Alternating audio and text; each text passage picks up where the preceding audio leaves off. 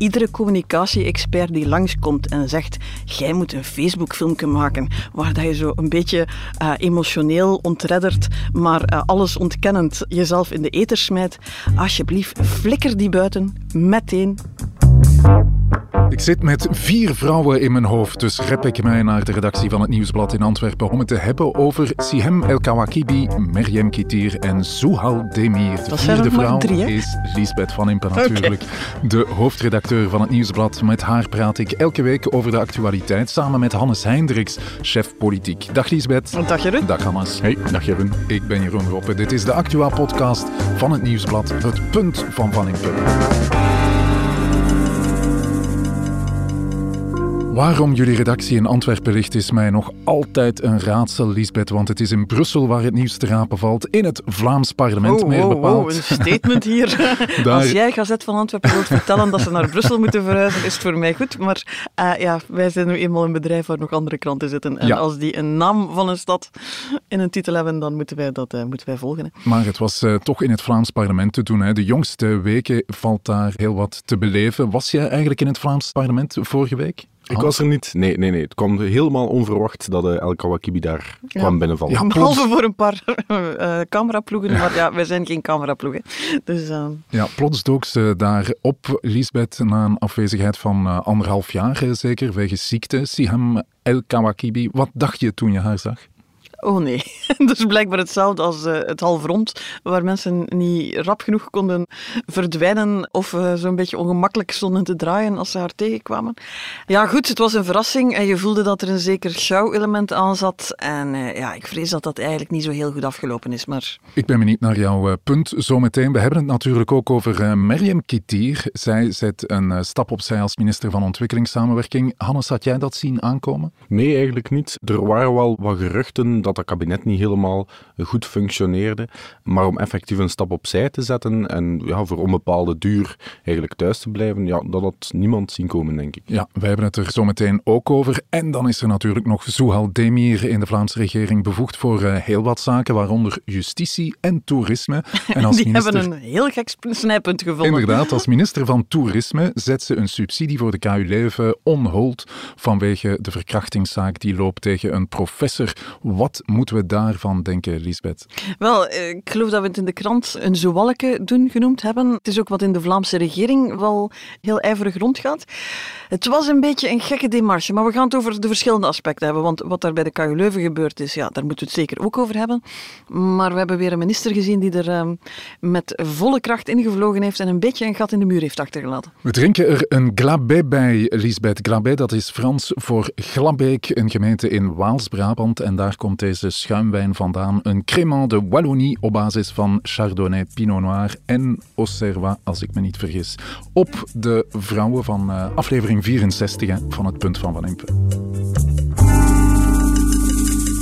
Zaterdag uh, is er toch wel door verschillende kranten trouwens melding gemaakt uh, van deze verkrachtingszaak. In 2016 is er een melding geweest bij de vertrouwenspersoon. In 2018 is dan ook de rector op de hoogte gebracht. Is er ook een officiële kracht geweest.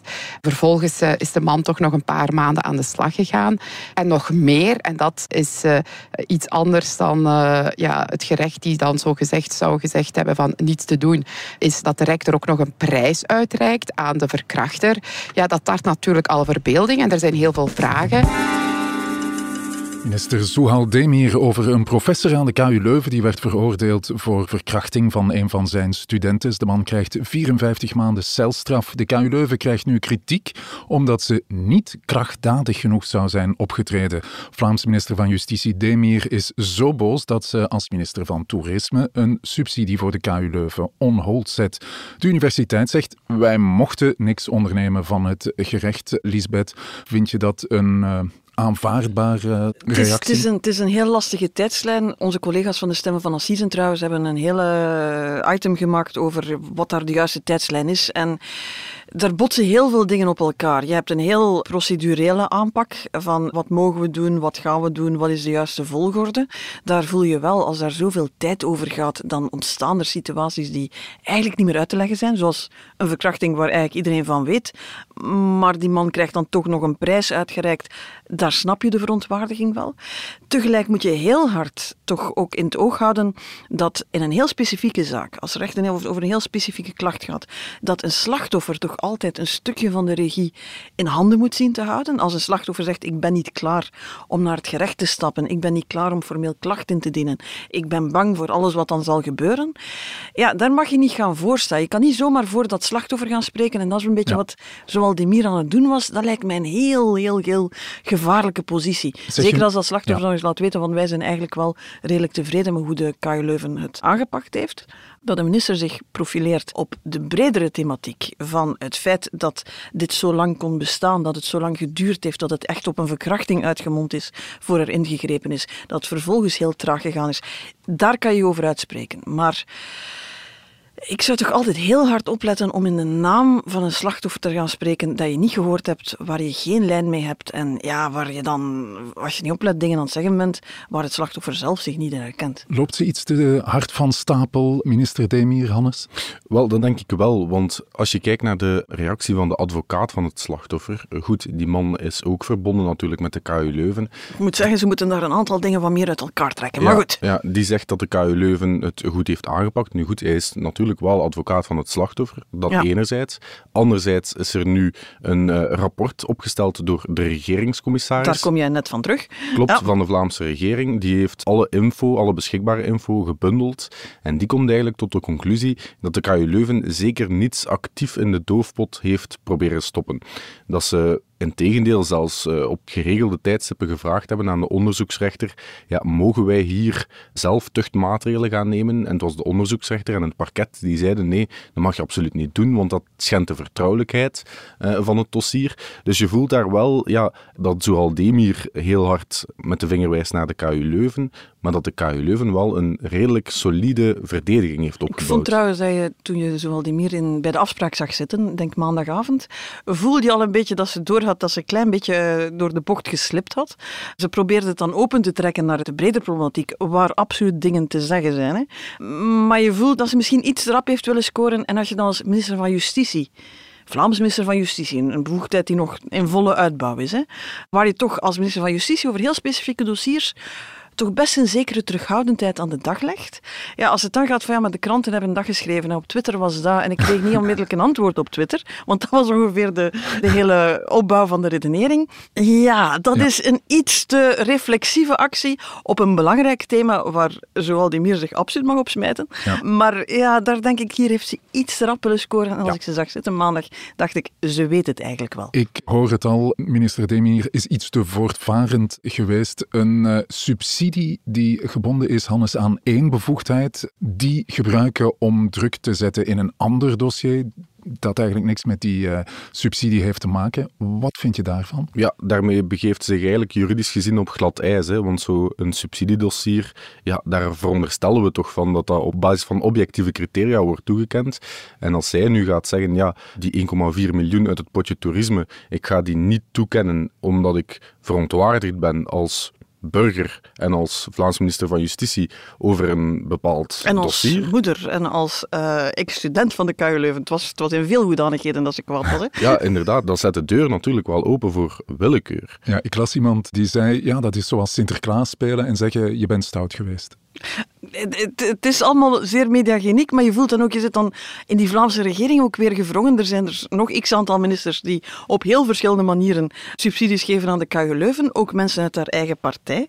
Uh, ben Wijts, minister van Onderwijs bijvoorbeeld. Ben Wijts heeft toch wel iets met onderwijs. Woont daar in de achtertuin van de KU Leuven. Ik geloof Matthias Diependalen, die zat ook al in heel dat dossier van subsidies voor die verjaardag van de KU Leuven. Ja, die volgen dan niet, dus dan ga je als regering ook een heel raar signaal gaan uitsturen.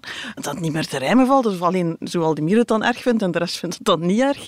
Je voelt ook dat daar wel wat frictie weer zit. Dat ook daar, ze heeft een zowalke gedaan en dat wordt met een soort van mantel der liefde, maar toch met een, allee, het is een mantel met liefde waar zo een paar hele scherpe glasklinters ingeschud zijn. Hè.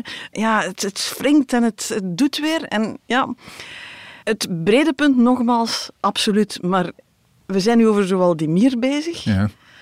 Eh, Als je als minister van Justitie met grote afstand tot dit dossier eigenlijk ervoor zorgt dat het over jou gaat.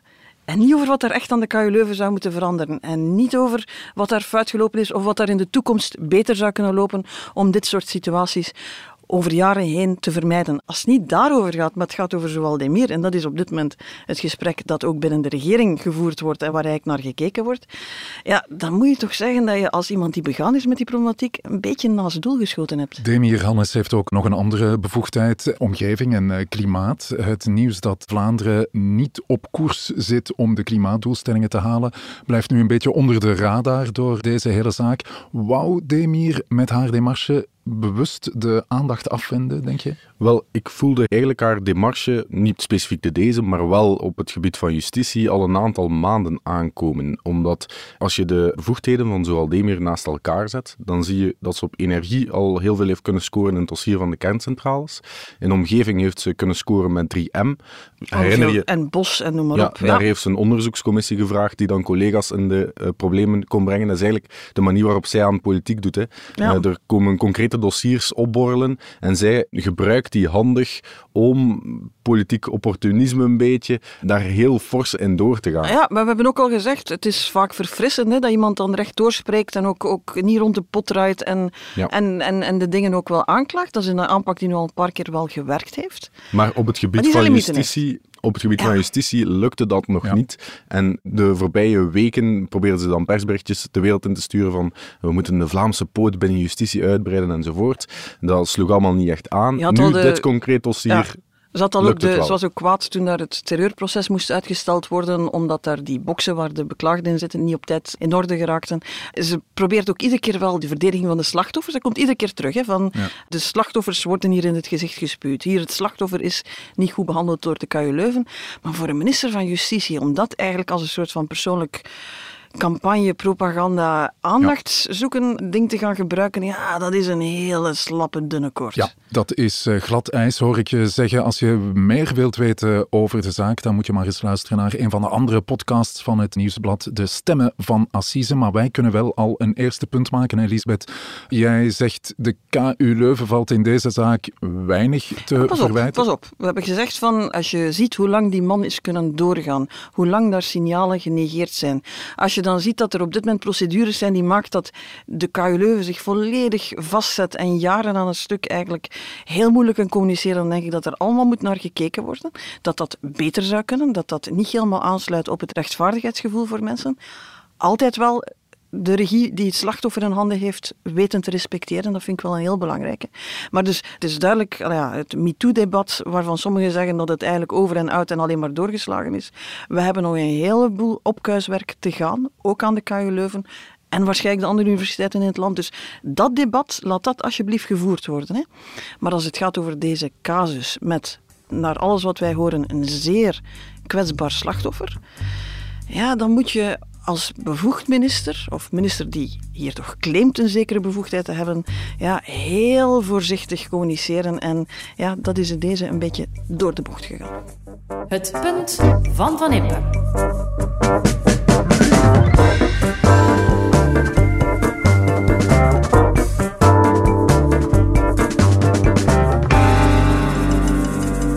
Dit is degoutant. Hè, plots. Ja, sorry, reglement mijn botten. Je spreekt over iemand die al op de grond ligt, waar jij niet van weet wat er allemaal speelt. Niet op die manier. Sorry. Kamerlid Valerie Van Peel in het parlement over Meriem Kitier, de minister van Ontwikkelingssamenwerking, nadat de voorzitter van het Vlaams Belang, Tom van Grieken, insinueerde dat Kitier niet een stap opzij zette vanwege mentale problemen, maar vanwege onbekwaamheid, zei hij. Ook de premier was trouwens erg boos over die tussenkomst van eh, Van Grieken. Het gebeurt niet vaak, Lisbeth, dat een eh, lid van de oppositie het opneemt eh, voor iemand uit de meerderheid. Nee, het is, het is zeer Valerie van Peel. Ik bedoel, het is zeer met de voeten vooruit, emotioneel hard op de juiste plaats. Maar het gebeurt inderdaad niet vaak dat een minister die dan eens afwezig is, verdedigd wordt door een lid van de oppositie. Maar in deze was het wel broodnodig, want het was inderdaad bijzonder cynisch wat Tom van Grieken daar aan het doen was op het spreekgestoelte. Ja, eigenlijk zo'n beetje ja, gaan speculeren over wat dan ware toedrachten zouden zijn. Ja, want wat is nu eigenlijk, eh, Hannes, de ware toedracht? Kitier neemt een break op doktersadvies, maar in uh, Knak, het weekblad, staat dat er uh, eigenlijk meer aan de hand is. Kitier zou overhoop liggen met een aantal medewerkers op haar kabinet. Is dat dan de echte reden? Wel, Mirjam Kitier, haar eerste communicatie was inderdaad dat ze zelf op doktersadvies een stap opzij zette, omdat ze met een aantal problemen kampt kennen daar niet eh, echt veel meer details over. Maar dan inderdaad, in de loop van de dag werd dan duidelijker en duidelijker dat eigenlijk Conor Rousseau zelf heeft ingegrepen en gevraagd heeft aan Kitier om tijdelijk eh, die stap opzij te zetten, Onder meer omdat er op haar kabinet een aantal problemen zijn. Er waren een aantal kabinetsleden die effectief bij Conor Rousseau zelf zijn gaan klagen over de manier waarop dat, dat kabinet functioneert. En het ding is natuurlijk, die twee kunnen gewoon alle twee waar zijn. Iemand kan oververmoeid, overstrest, burn-out hebben. Een kabinet kan slecht lopen. Blijkbaar speelt ook de onzekerheid van Mirjam Kitier daarvoor een stuk wel een rol. Dus daar zie je zelfs een link tussen de twee problemen mogelijkerwijs. Dus ja, er is de stekker uitgetrokken om erger te voorkomen. En dat lijkt me toch ook wel het, op dat moment het juiste signaal te zijn. Je voelt natuurlijk, ja, er is meer aan de hand dan het eerste Facebookbericht deed uitschijnen. Dus ze gaan daar wel een probleem moeten oplossen, dat het persoonlijke probleem van Mirjam Ketir is, maar dat het blijkbaar toch wel een stuk breder gaat dan alleen hoe zij zich voelt. Ja, en het politieke probleem, eh, Hannes, zou dat zijn dat Ketir moeilijk haar stempel kon drukken als eh, minister. Dat hoor je wel eens, hè? Klopt het dat haar dat uh, frustreert? Wel ja, ze heeft ehm, als bevoegdheden ontwikkelingssamenwerking en grootstedenbeleid. Dat zijn niet de meest sexy bevoegdheden. Het is niet dat je daar... Grootstedenbeleid zou het kunnen zijn, maar daar... Ja, als ze eigenlijk het nieuws komt, is het vaak met ontwikkelingssamenwerking. Klopt, inderdaad. Waarmee ze dan op reis ging. En daarvoor kreeg ze dan wel heel veel kritiek langs rechtse, extreme rechtse uh, hoek op sociale media. Ik ben er eens doorgegaan. Echt uh, bagger van, ja, ze gaat ons geld gaan uitdelen in, in, in Afrika en noem maar op. Uh, Echt ja, van die... Je voelt daar twee dingen. Hè. Het is een tijdsgevricht waar je heel makkelijk kan scoren door te zeggen van, we hebben hier genoeg problemen, waarom moeten wij een ontwikkelingssamenwerking doen? Dat zit er altijd wel een beetje onder, maar in deze lastige tijden voor veel mensen is dat een argument dat plots heel veel meer weerklank krijgt. En dan het fenomeen kennen wij. Jonge vrouwen, mensen met een migratieachtergrond, laat staan jonge vrouwen met een migratieachtergrond, ja, die krijgen nog disproportioneel veel meer bagger persoonlijk gericht te verwerken. Het is voor alle politici iets waar ze dat ze een plaats moeten zien te geven. Ja. Maar dus ja, ik, ik denk als je, als je mensen vanuit alle kanten van het spectrum, iedereen waar we het vandaag hier over hebben, samenzet, dat die allemaal dezelfde getuigenis kunnen zeggen van verdorie, het gaat toch soms wel heel hard als het ja, over Ja, moeten we ons niet stilaan uh, vragen stellen bij het, uh, het beroep politicus, want ook Hilde Krevits, minister in de Vlaamse regering, neemt een pauze op doktersadviezen. En ze is ook niet de enige, het is iets wat meer ingeburgerd geraakt. Je moet het klinkt misschien gek, hè, want het is natuurlijk een probleem voor de personen zelf, maar er zit een stuk vooruitgang in. Ik bedoel, we kennen allemaal nog de anekdotes uit de jaren negentig. Wilfried Martens, zijn zoon, die ongeveer verongelukt was. En Wilfried Martens zat de ministerraad voor en, en zei tegen niemand iets, totdat hij zichtbaar brak en, en, en op het vliegtuig gezet werd, geduwd werd door de collega's. Uh, Jean-Luc Dehane was dat in onderhandelingen toen zijn, een van zijn kleinkinderen gestorven was. Zei tegen niemand iets, want dat was allemaal privé en je mocht het allemaal niet laten zien. Je mocht geen enkele teken van, van zwakte laten zien. Persoonlijk leven, dat bestond niet. Dat dat een ongezonder tijd was dan deze periode waarin mensen wel vaker uitvallen. Je voelt wel, de politiek is nog heel hard aan het zoeken van hoe moeten we hiermee omgaan. Als je nu Conor Rousseau bent, Mirjam we weten, burn-out, dat kan een tijd duren. Dit is geen job als alle andere. Ik kan daar niet zomaar een intrimmer op zetten. Dat, dat gaat nu eenmaal niet. Frank van den Broek is niet echt een intrimmer. Eh. eh nee, is geen intrimmer. Maar ja, goed, gaat Frank die straks... van den Broek neemt haar bevoegdheden ja, voorlopig over. Hè? Niemand verwacht dat we nu straks tussen twee ministerraden door Frank van den Broek is naar Mali of naar Ghana of naar, naar Congo gaan sturen om daar iets te doen dat de minister van Ontwikkelingssamenwerking dan zou moeten doen. Dus ja, dat is een, een tijdelijke situatie die een tijdje kan opvangen, maar je kan daar niet mee blijven doorgaan. Dus je voelt wel, de politiek is nog heel hard aan het zoeken van hoe ze dit gaan oplossen. Vooruit geen overschot aan kopstukken. Een, een, ministerpost is toch een plek waar dat je een, iemand zichtbaarheid kan geven, waar je iemand ja, aan de kiezer presenteert. Dus je voelt wel, er zijn geruchten, er zijn speculaties, die worden op dit moment allemaal de kop ingedrukt. Maar ja, op een bepaald moment moet je ook wel zeggen van, we gaan en voor de politicus zorgen, en onze verantwoordelijkheid nemen binnen een regering natuurlijk. Dus ja, de vraag is hoe lang dat je dat in, in deze constellatie kan blijven verzinnen. Hannes, uh, komt ze nog terug, denk je, Miriam Kitier? Wel, Conor Rousseau beweert bij hoog en laag van wel. Maar inderdaad, dat zal vooral van haarzelf afhangen, hè? Hoe, hoe het met haar gezondheid uh, gesteld is. Je, je, merkt nu wel dat de geruchtenmolen op gang aan het komen ja, is. Ginny Beels wordt uh, genoemd als ja. uh, opvolger de vooruitschepen in, in Antwerpen.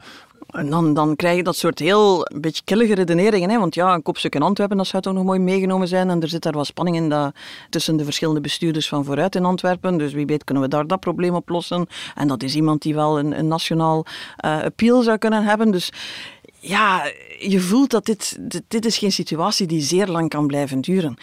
En je weet wel, ja, als Mirjam Kitier zegt van ik voel mij weer beter, ik kom terug, dat je daar nog altijd dat basisprobleem van dat kabinet dat niet goed werkt en het feit dat ze daar geen woordvoerder meer vinden nadat ze vier versleten hebben, dat de kabinetchef daarop gestapt is, ja, dat moet je nog altijd wel oplossen, want anders ja. zit je daar in een vicieuze cirkel natuurlijk. Als je heel cynisch naar kijkt, is uh, de tekst voor haar thuisblijven eigenlijk makkelijk geschreven. Hè. We hebben uh, er alles aan gedaan om haar uh, terug te brengen, maar ze heeft toch zelf beslist om een slap opzij ja. te zetten. Dat zijn dan dat soort teksten die boven gehaald worden, dus het zou zomaar kunnen dat vooruit toch beslist om, om haar ja. opzij te houden. Of dat ze haar de tijd geven om zelf tot die conclusie te komen.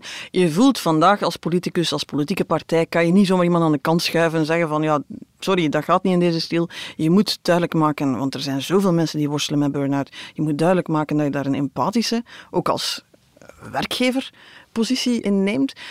Maar iedereen voelt wel, net zoals dat bij, bij Sophie Wilmes op een bepaald moment ze toch dan gezegd heeft van kijk, hier is mijn mandaat, ik ga gewoon terug in het, in het parlement gaan zitten. Uh, dat iemand zelf die afweging moet maken, hoe lang hij het kan volhouden. Hilde Krevits is bijna terug. Ja, een, een, een, een vice-minister-president, ja, dat, dat is niet eindeloos natuurlijk, hè, wat je kan doen. Ja, Lisbeth, het tweede punt. De twee redenen van de stap opzij van uh, Meriem Kitier sluiten elkaar niet uit. Zeg je, het toont nog maar eens dat uh, politiek een keiharde stiel is? Het is een keiharde stiel, maar die begint te onderkennen dat, daar ook, ja, dat, dat mensen ook zwakte en kwetsbaarheid mogen tonen. Dat is op zich een goede evolutie. Maar je gaat dat wel moeten verzoenen met ja, een regering draaiend houden. Een, een, een partij die toch bezig is met haar uh, electorale strategie. En ja, die strijd is nog niet gestreden. Die uitkomst staat nog niet vast. Het punt van Van Impe.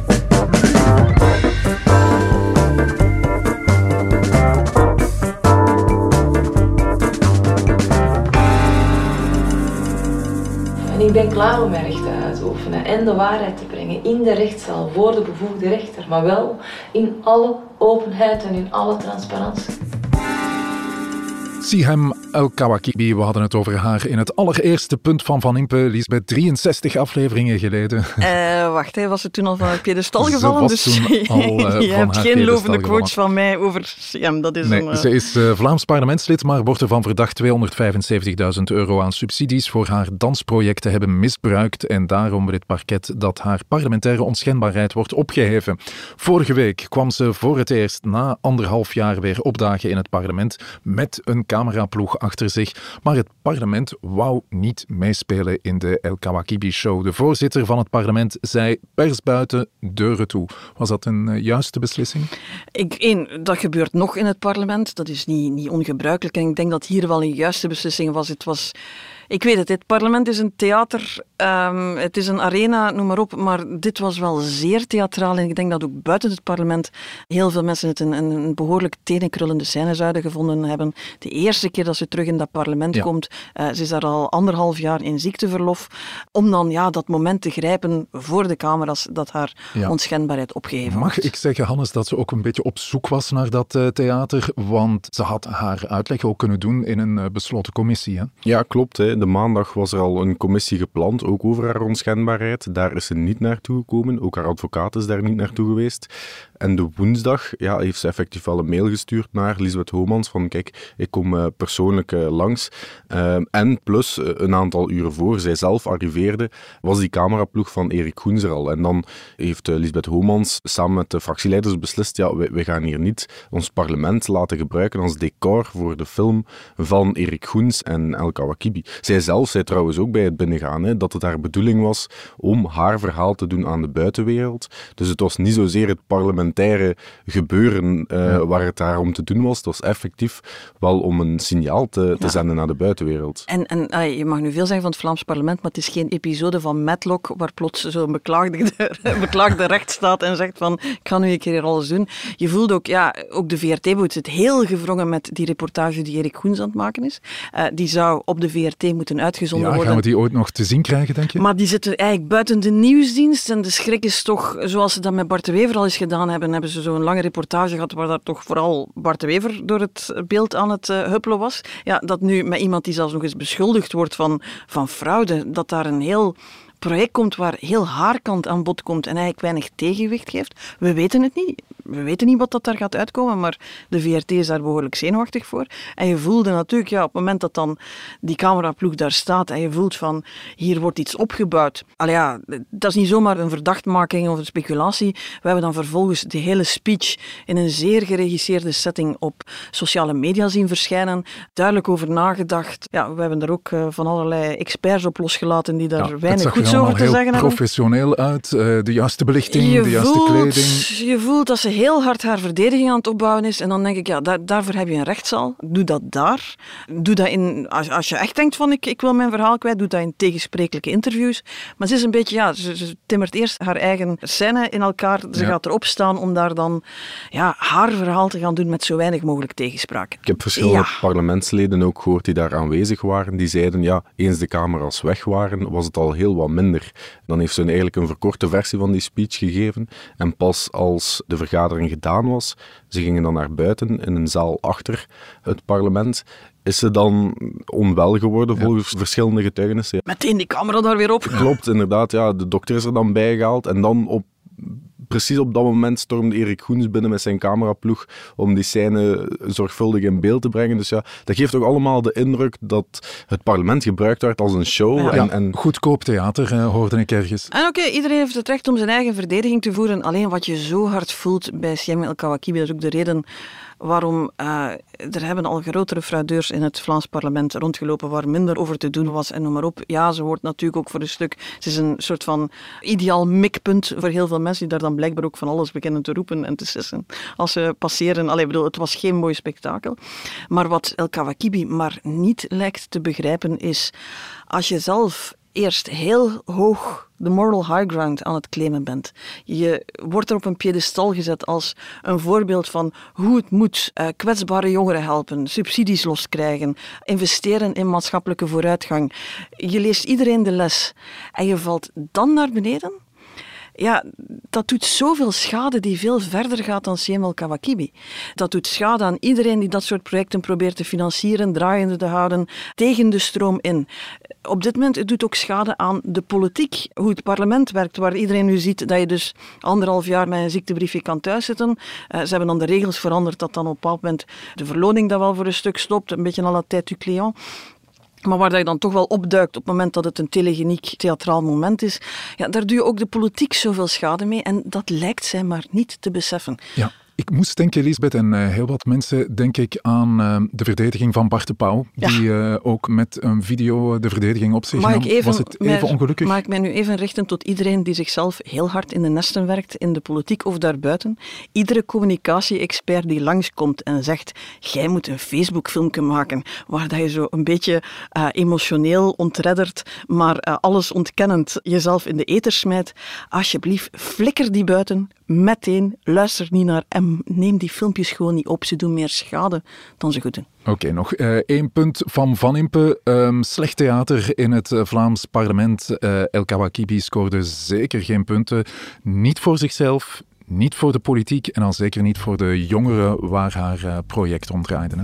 Ja, en, en ook daar, het gaat de hele tijd over haar. Het, het voelt niet authentiek wat ze juist had. Ze had authenticiteit. Ze is die helemaal kwijtgespeeld. En dan ga je echt met een sociale mediastrategie en een documentaire niet recht trekken. Het punt van Van Impe.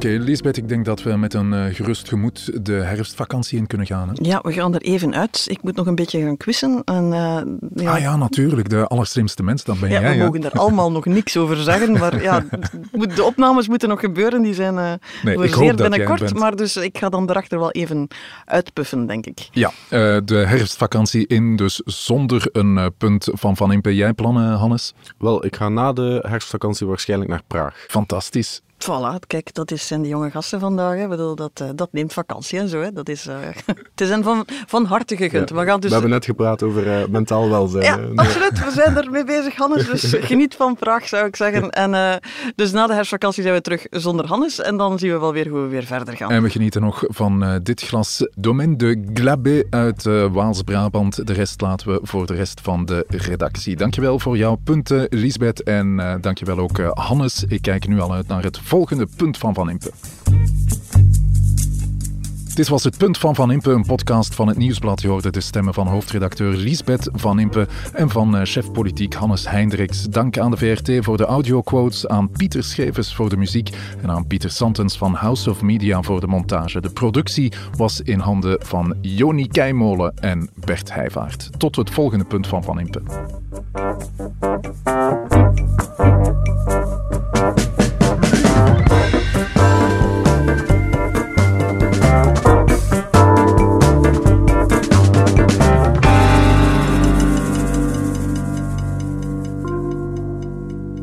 Dag, beste luisteraars. Ik heb goed nieuws voor jullie. We gaan jullie niet langer meer laten wachten. Vanaf 5 november start er een nieuw seizoen van Seks verandert alles. Rika vertelt ons dan opnieuw verhalen uit haar praktijk. En ik ga natuurlijk nog niet alles verklappen, maar uh, ik kan je alvast wel zeggen dat het zal gaan over bruisende liefde. Wij zitten nog in een relatiefase waarbij dat er niks tegen onze goesting is. Over wipkwartiertjes. Allee, we hebben dan nu nog twee uur, dus dat is dan nog tijd om te lunchen en dan gaan we piemelen. over bedrog. Hij heeft me zo hard belogen, echt ja, voor de tweede keer. En over nog zoveel meer. Onze Love Voices zijn er ook weer bij. Zij vertellen natuurlijk hun eigen persoonlijke ervaringen. En de fantastische muziek is weer van onze monteurs Pieter Schrevens en Benjamin Hertogs. Nog heel even geduld dus en daarna is er elke zaterdag een aflevering tot aan het einde van het jaar. Was het zo uh, een beetje goed, Rika? Je hebt dat heel goed gezegd, Johan. Ah, altijd fijn als je partner er ook van genoten heeft.